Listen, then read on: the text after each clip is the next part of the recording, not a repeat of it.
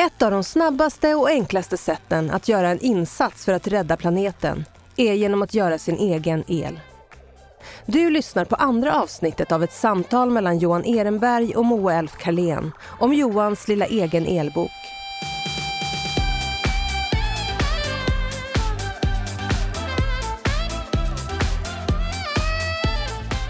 Jag heter Moa Elf Karlén och är förlagschef på Leopard förlag och jag sitter här med Johan Ehrenberg, grundare av ETC och författare till Johans lilla egen-els-bok om att göra el tillsammans. Du, kan vi komma in på det här med att spara el också?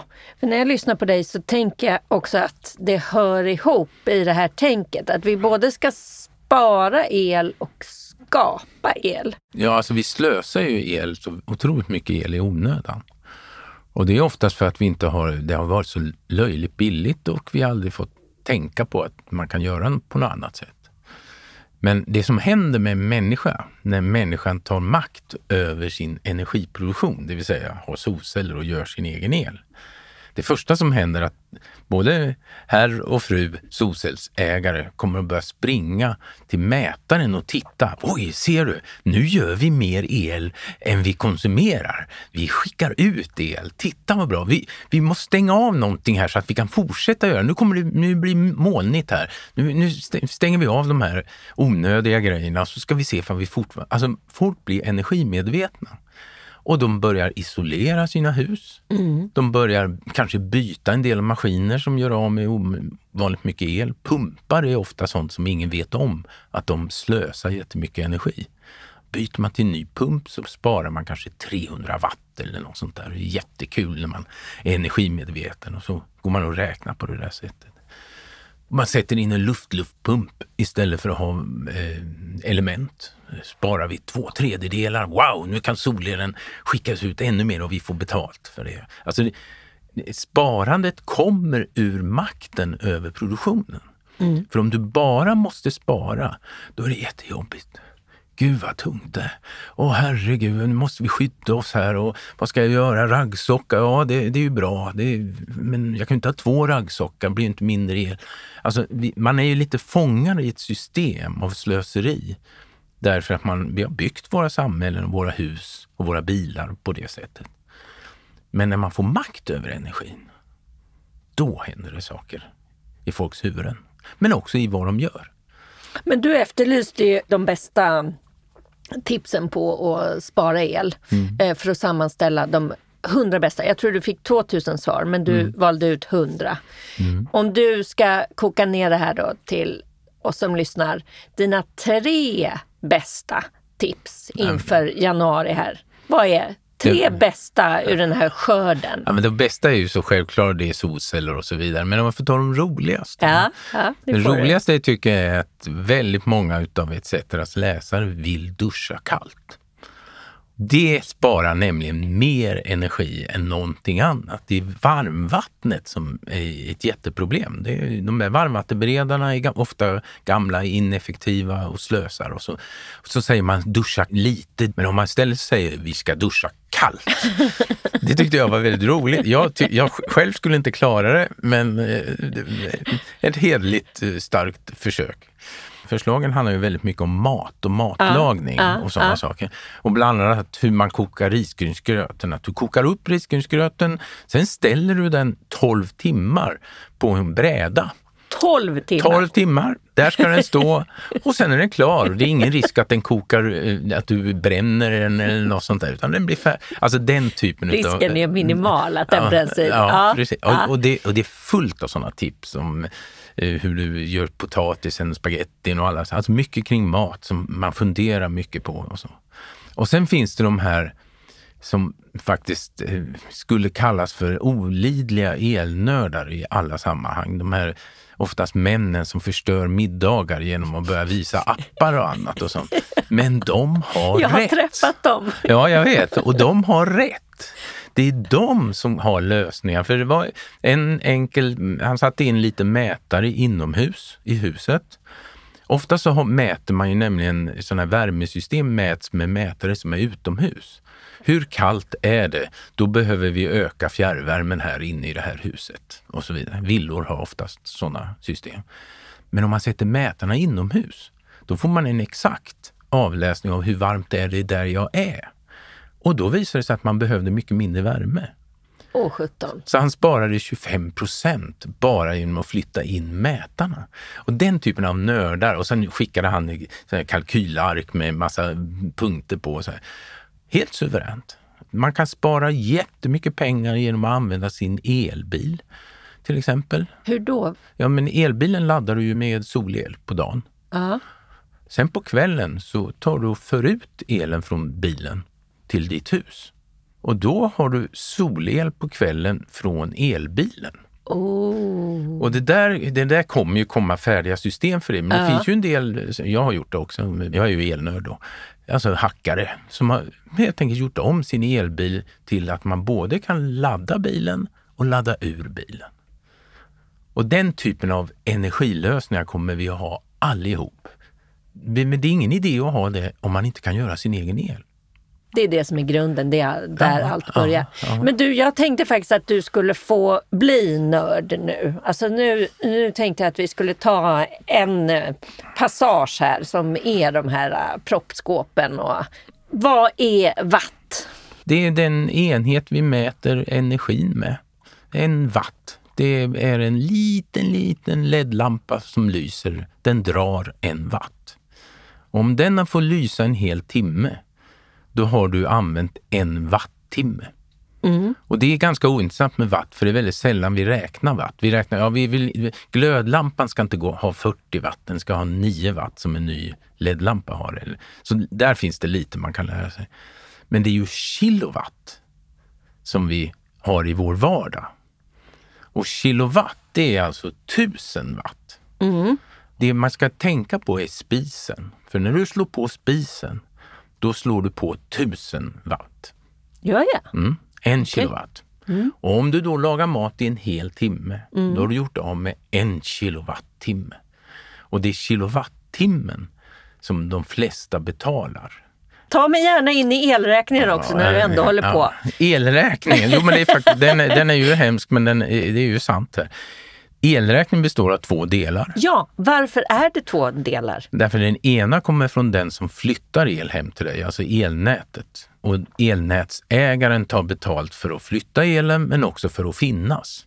Du får betala 250-300 kronor i månaden bara för att du finns där och för att hen finns där och levererar. Så det är en räkning och den räkningen får man alltid med moms och energiskatt. För det är där energiskatten ligger som går till staten och det är 36 öre. Det läggs Okej. på. Allt du köper, Ja. 36 öre. Sen finns det elhandelsbolagen och de kan heta Vattenfall, E.ON, etc. el, eh, god el, dålig el, all, allting. Det, det är de här, alla de här elhandelsbolagen säljer el till dig, men de flyttar ju ingen el. Det enda de gör är att de köper och säljer el på börsen, Nordpolbörsen. Då får du en räkning från dem. Sen finns det en räkning som du aldrig ser och det är den som går från producenterna, de som producerar el. Solcellspark eller en Kärnkraftverk, kärnkraftverk vindsnurra, vatten, ja, ja. vad som helst. Den elen säljs på Nordpol och det ser ju inte du. Det är bara det som händer hela tiden. Så du får två räkningar. Men nu har elnätsbolagen kommit på att man kan få lite mer betalt genom att dela upp sina räkningar. Och då delar man upp dem så att du får betala för kilowatt, det vill säga effekt, hur mycket el du använder just som mest. Jag kan tänka mig att i ditt eh, hus så kan du använda kanske 10 kilowatt som allra mest. Du har slått på spisen, dammsugaren, tvn, eh, pumpen går, varmvattenberedaren. Det blir 10 kilowatt. Det här kallas för effekttariff. Och då får du betala för att du någon gång under månaden använder så mycket. Du får betala lika mycket för alla dagar som det du använder mest. Vänta, får jag betala Ja, alla dagar ti- 10 kilo. motsvarande det Ja. som jag använder mest? Ja. Det var en jäkla dålig eh, Ja, du har- deal då. Ja, det, ja. du har försökt prata med dem. Och det där har de infört för att de officiellt säger att vi ska minska människors elkonsumtion och effekt. För vi tycker det är bra att vi minskar och slår ut vår elkonsumtion över dygnet så ska vi hindra dig från att ha 10 kilowatt. Du ska vilja gå ner till 7 kilowatt. Och när du sen har eh, använt 10 kilowatt i en timme, då får du dessutom en räkning på 10 kilowattimmar. För du har använt i en hel timme och då får du betala överföringen från elnätsbolaget. Och det brukar vara 25, 30, 40 öre beroende på var man bor. Men Det är helt absurt egentligen att det kan vara högre räkningar i vissa elnätsområden än andra. Det är ju samma elnät. Det var, men det, nu är det så. Och sen får du betala till elhandlaren för att hen har sålt de här 10 kilowattimmarna till dig. Men du, du sitter inte på några enkla hacks som man kan göra för att minska sin elräkning redan i januari, säg? Ja, det första man ska göra det är att försöka jämna ut sin konsumtion över dygnet. Enklast är att ha batterier. Eh, Ah. Om du har batterier, och det kan du ha även utan solceller. Ja. Eh, Om du har batterier så lagrar du el när den är som billigast på natten. Och sen använder du den på dagen. Då jämnar du ut och köper du så lite el som möjligt och då kommer du inte upp i 10 kilowatt. Du kommer upp till kanske 5 kilowatt. Och då har du sparat rätt mycket. Mm. Det andra är att titta på när du konsumerar. Och det där är ju ganska lätt, det vet man ju. Jag, ska inte, jag slår på diskmaskinen på kvällen när jag lägger mig. Jag låter tvättmaskinen gå klockan 01. Inte klockan 23, för 23 är fortfarande elen dyr. 01 är den billig och så vidare. Alltså man jämnar ut sin konsumtion. Och man ska stänga av till exempel värmepumpen på dagen när du är hem, inte där. Det är billigare att låta värmepumpen börja jobba upp värmen igen fram emot klockan fyra när du ska komma hem klockan fem. Än att låta den gå på fullt under hela dagen. Ah, det där har är- jag undrat över. Det var faktiskt bra att få svar på. Det sättet att jämna ut din elkonsumtion kommer att göra att man sparar några tusenlappar Mm. över en vinter. Har du lust att förklara det här med likström och växelström också? Så, Varför då? så att jag slipper bli ska- mästrad av elektrikern. Varför skulle du kunna det för?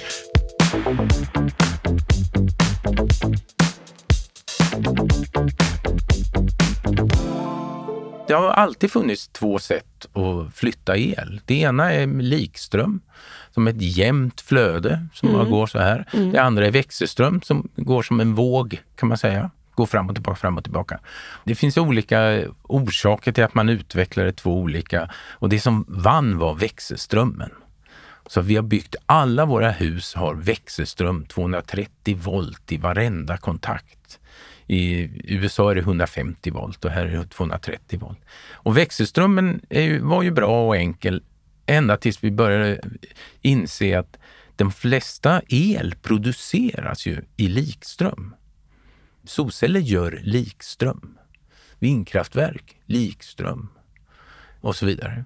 Och då blev det ju plötsligt, hmm, då måste vi göra om likströmmen till växelström. Och det gör vi ju. Alla solceller gör om till växelström med något som heter växelriktare. Där kom den, växelriktaren. Ja. Ja. Det är väldigt enkelt med elektriska, ett väldigt intressant språk. För att om du ska förklara vad, vad, vad gör en maskin, då heter maskinen det den gör. En växelriktare växlar från likström till växelström. Det var faktiskt en bra tumregel. Jag tar med mig den. Ja. likriktare, vad gör då den? Jo, den tar växelström och gör om det till likström igen. Och nu kommer det absurda. I ditt hem, din TV, den går på likström. Din dator går på likström. Nästan alla lampor har, har du en liten adapter, svart grej som du stoppar in i de här hålen i väggen. Det är adaptrar som gör om växelström till likström, 24 volt oftast. Så att vi omger oss med massa maskiner som går på likström. Men vi tillverkar och fraktar växelström. Och det där är för att det gamla energisystemet baserades, då vann växelströmmen. Nu börjar vi ta tillbaka allting till likström. Så om några år, så kommer vi att tillverka likström i våra hem också. Mm. För att det blir billigare, för då förlorar man inte... När man växlar mellan likström och växelström eller mm. mellan växelström och likström mm. så förlorar man några procent utav elen hela mm. tiden. Och det är ju ganska onödigt.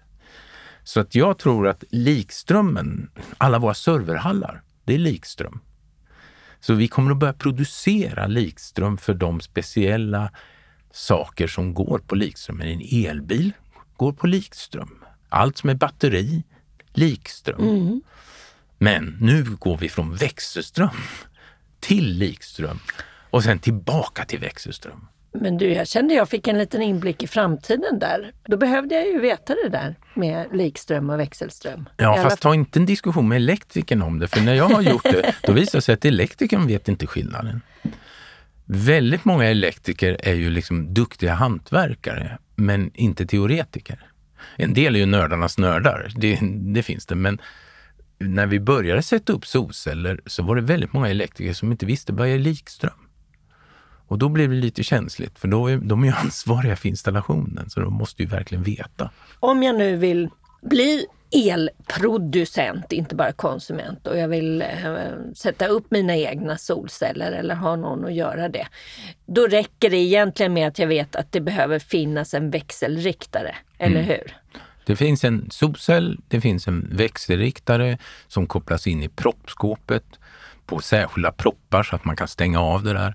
Det finns en, en liten kontakt på utsidan av huset som brandmän ska kunna använda. Om det brinner i huset så vill de kunna stänga av elen. Då mm. använder de mm. den.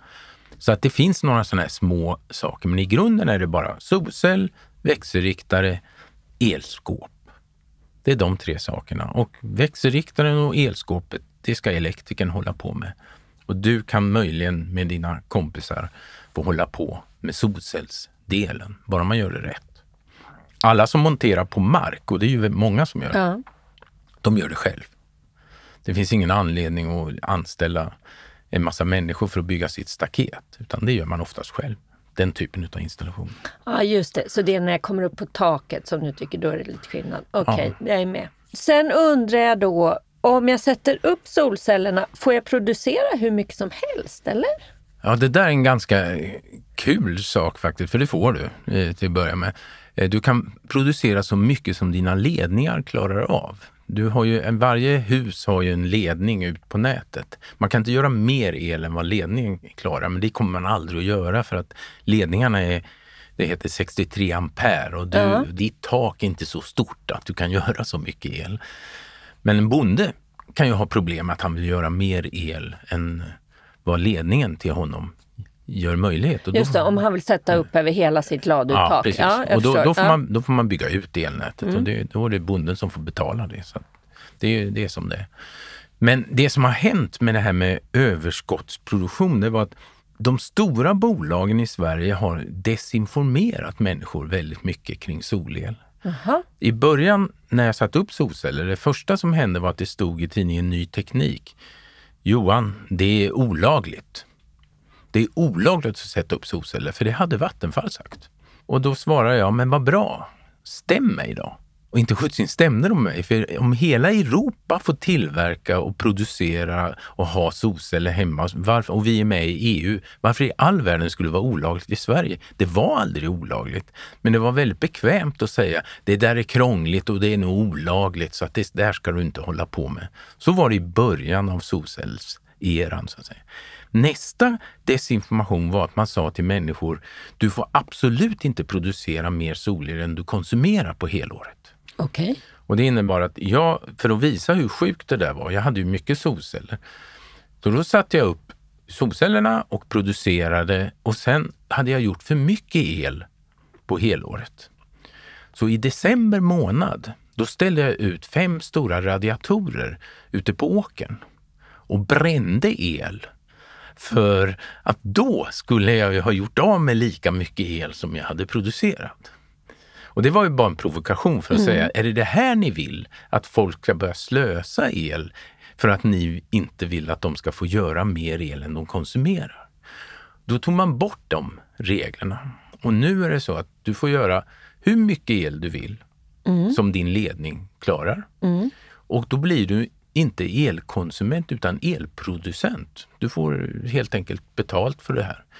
Och det, enda man ska tänka på, tycker jag, är att om man vill vara elproducent, alltså göra mer el än man konsumerar, Mm. då ska man göra det rejält. För då får man bra betalt och den investeringen får man tillbaka. Om man bara gör det lite grann så blir det lite högre nätavgifter och annat för att man skickar ut mer el än man konsumerar. Det är ju sånt där som ändras också över tiden. Jag tror att det kommer att bli i princip att du får inte betala någonting därför du kommer ju hjälpa andra genom att gö- använda ditt tak och göra solel till alla andra. Ja, det är ju det rimliga. Ja. Att det, ska löna sig att eh, bidra med el då till Sen andra. Sen ett tag hade man ju regler om att eh, många kommuner sa man måste ha bygglov för att sätta upp solceller. Det måste man inte alls. Inte heller sant nej, alltså. nej, inte sant. Eh, Kanske på en kyrka som vi inte ska sätta solceller. Alltså kulturminnesmärkta saker ska man ju inte hålla på och kladda på tycker jag. Okej, finns det andra sådana myter som vi kan avliva här och nu? Ja, den vanligaste myten är att solceller kommer att störa eh, elnätet i mitt område.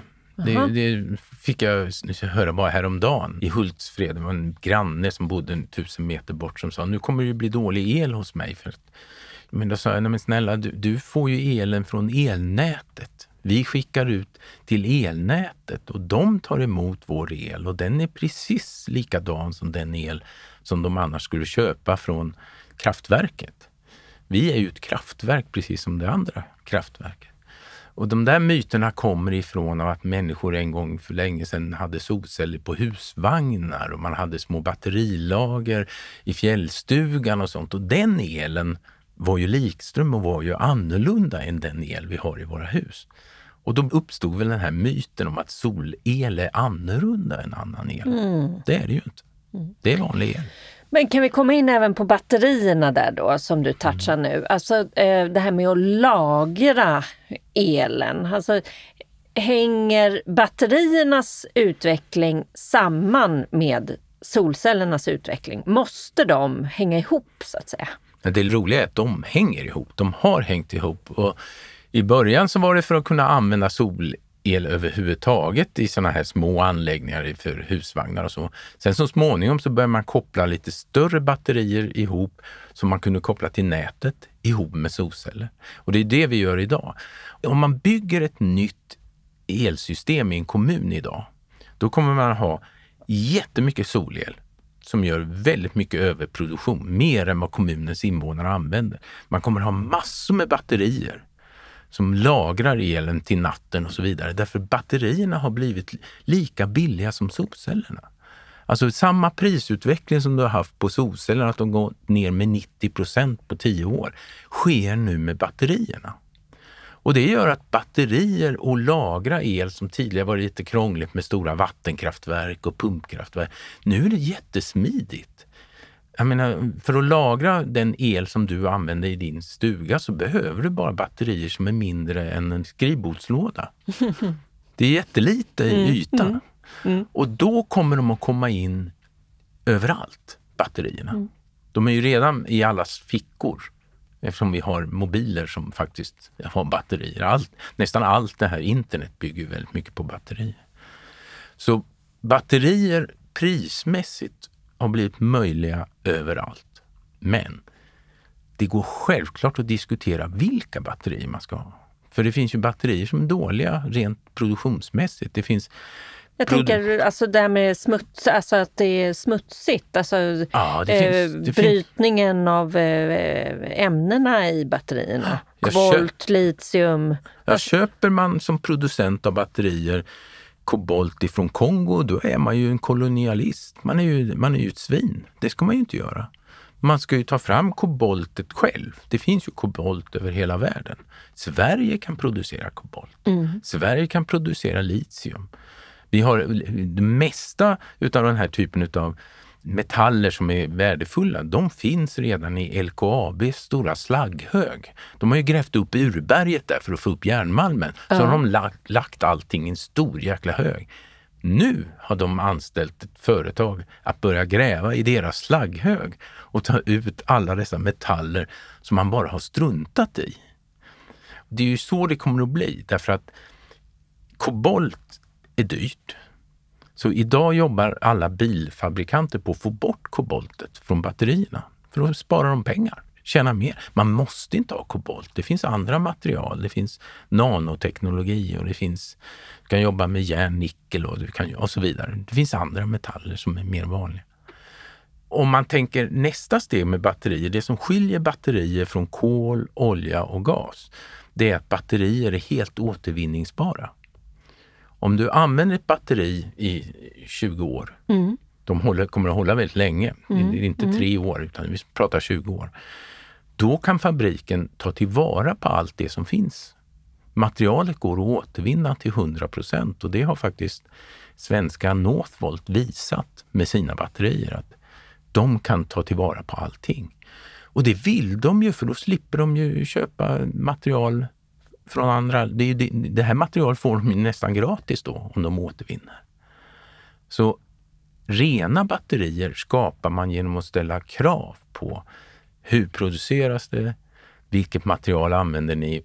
Kan ni återvinna det? Och kan de inte svara bra på de tre frågorna, då ska man naturligtvis inte välja de batterierna. Du, varför finns det inte solceller på taken till elbilarna då? Det har varit de solceller som har funnits fram till nu är lite för klumpiga och lite för låg effekt på dem. Men nu har det kommit bilar som har karosserna med böjbara solceller. Det är en tysk bil som heter Sono och den kan producera el bara genom att stå parkerad. Och det roliga med det är ju att då förvandlas ju bilen från någonting som tar el och mm, kostar mm. el till en apparat som gör el. Därför 95 procent av tiden brukar faktiskt en bil stå stillparkerad. Vi använder den bara några procent av dagen. Och då kommer stockholmare och göteborgare här slåss för att få parkera utomhus. Ingen vill stå i garaget, mm. för där får man ingen solel. Så då kommer man få göra om allting. Så man har gömt bilarna, nu kommer de ut på gatan igen. Så kommer de att laddas. Och sen kommer på kvällen kopplar man det där till sin hus så får man då gratis el från elbilen. Just det, för det smarta huset ska då kunna använda elen från ja, ja. batteriet. Ja, och det kan den redan idag. Bilen. Det går, mm. men det finns inte färdiga produkter, men det går redan idag. Då fick vi en inblick i framtiden också, ja. som redan är här. Ja. Jag brukar ibland få frågan, du säger att vi ska göra så mycket solel och vi ska göra mycket, mycket mera solel och det ska vara överproduktion och allt sånt där. Varför då? Varför gör vi inte bara så mycket el som vi behöver? Och det är ju det vi gör idag med det gamla systemet vi har idag. Att så fort det börjar bli för mycket el som produceras, då bromsar vattenkraften. För man vill inte ha för mycket el i ett elnät. Varför? När det blir för varmt. Ledningarna tål inte hur mycket som helst, så du vill bromsa. Om ingen konsumerar i andra änden så vill du bromsa. Men om du har solel, då kan vi göra hur mycket el som helst. Därför när vi har gjort all el vi konsumerar, då använder vi solelen till att till exempel producera vätgas till våra industrier. För då är den elen så billig. Vänta, det där är jag inte med på. Ta det en gång till. Solel används ju av konsumenterna och utav husen i staden och elbilarna och allt sånt. Men när solen slår till och ger verkligen mycket el och vi har satt upp mycket solceller, då kommer den att göra för mycket el. Det kommer helt enkelt produceras mer el än vi konsumerar. Och Antingen kan man då bränna av den elen och ge kråkorna väldigt mycket värme helt i onödan. Eller också så kommer man att använda den till att omvandla vatten till vätgas. Och det är ett sätt att lagra energi som gör att vätgasen, det finns ju vätgas, industrin använder ju vätgas redan idag, mm. men det är smutsig vätgas som kommer ifrån den så kallade ja, fossilgasen, så gör man om den till vätgas. Här omvandlar vi vatten till vätgas och då kan industrierna köra på ren vätgas. Så att du får alltså ett samhälle som när det blåser jättemycket eller när det är jättesoligt så kommer vi alltid att lagra energin i olika typer av ämnen som vätgas. Och det vill de ju i Norrland använda till att göra fossilfritt stål. Och de vill, det finns bagare som vill baka med vätgas istället för att baka med det man gör idag och så vidare. Och så, vidare. så det finns ju sätt i ett samhälle som vårt som, är, som liksom har all denna konsumtion och all denna industri att utnyttja att solen kommer att göra för mycket. Så överproduktion blir det positiva. Det blir inte slöseri, utan det blir ett sätt att göra samhället mer hållbart.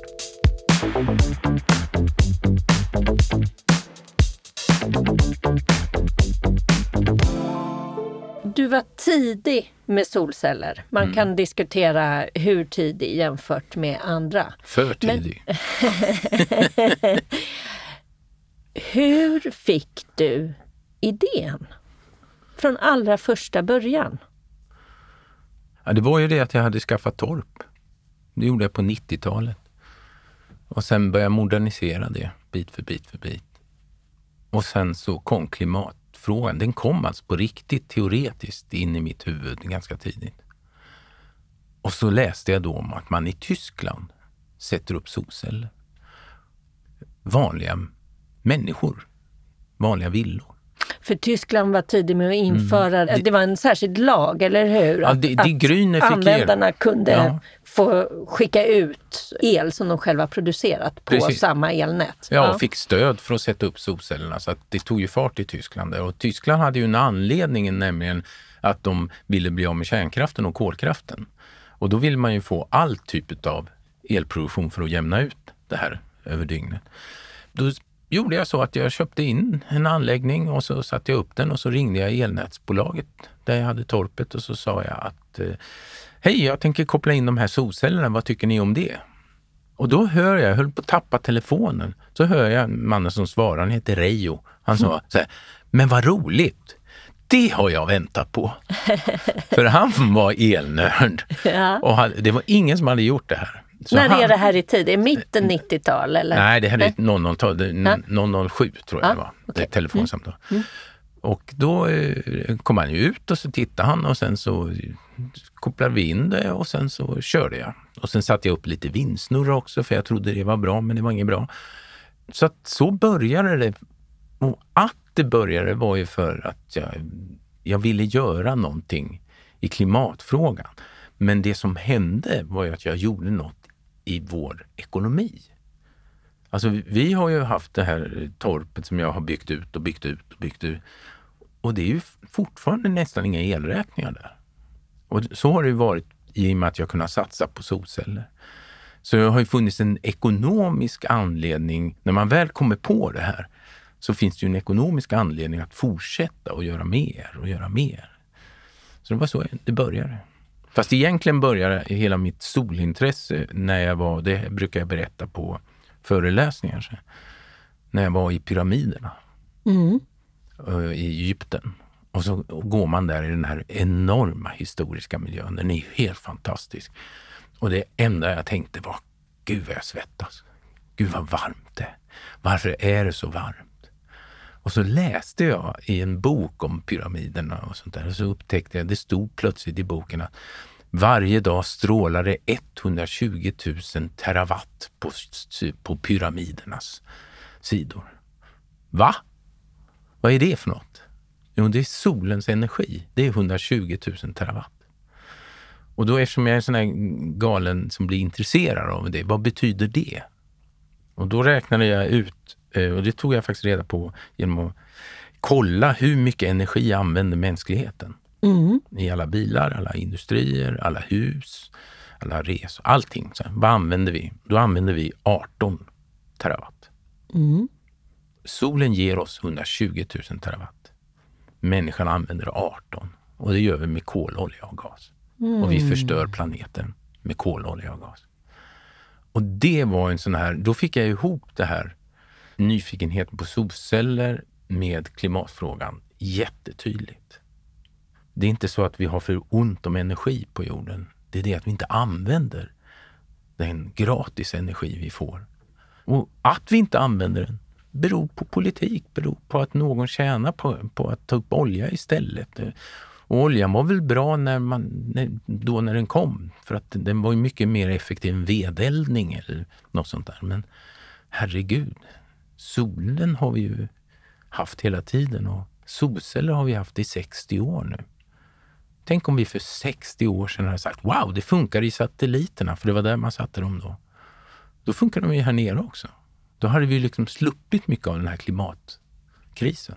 Ja, vi har sluppit den helt. Men det var pyramiderna? Det var tack vare att jag satt där och svettades som jag tog till själva idén på ett helt annat sätt. Innan det skrev jag ju bara om socialism och sånt där.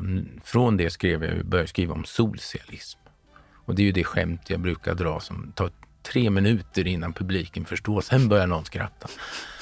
Det är alltid lika roligt. Men det var pyramiderna. Det var mm. där det hände. Ja. Tack Johan Ehrenberg för Tack att du kom hit. Du har lyssnat på andra avsnittet av ett samtal mellan Johan Ehrenberg och Moa Elf Karlén om Johans lilla egen elbok. Om du vill veta mer, köp Johans lilla egen elbok. Finns där böcker finns.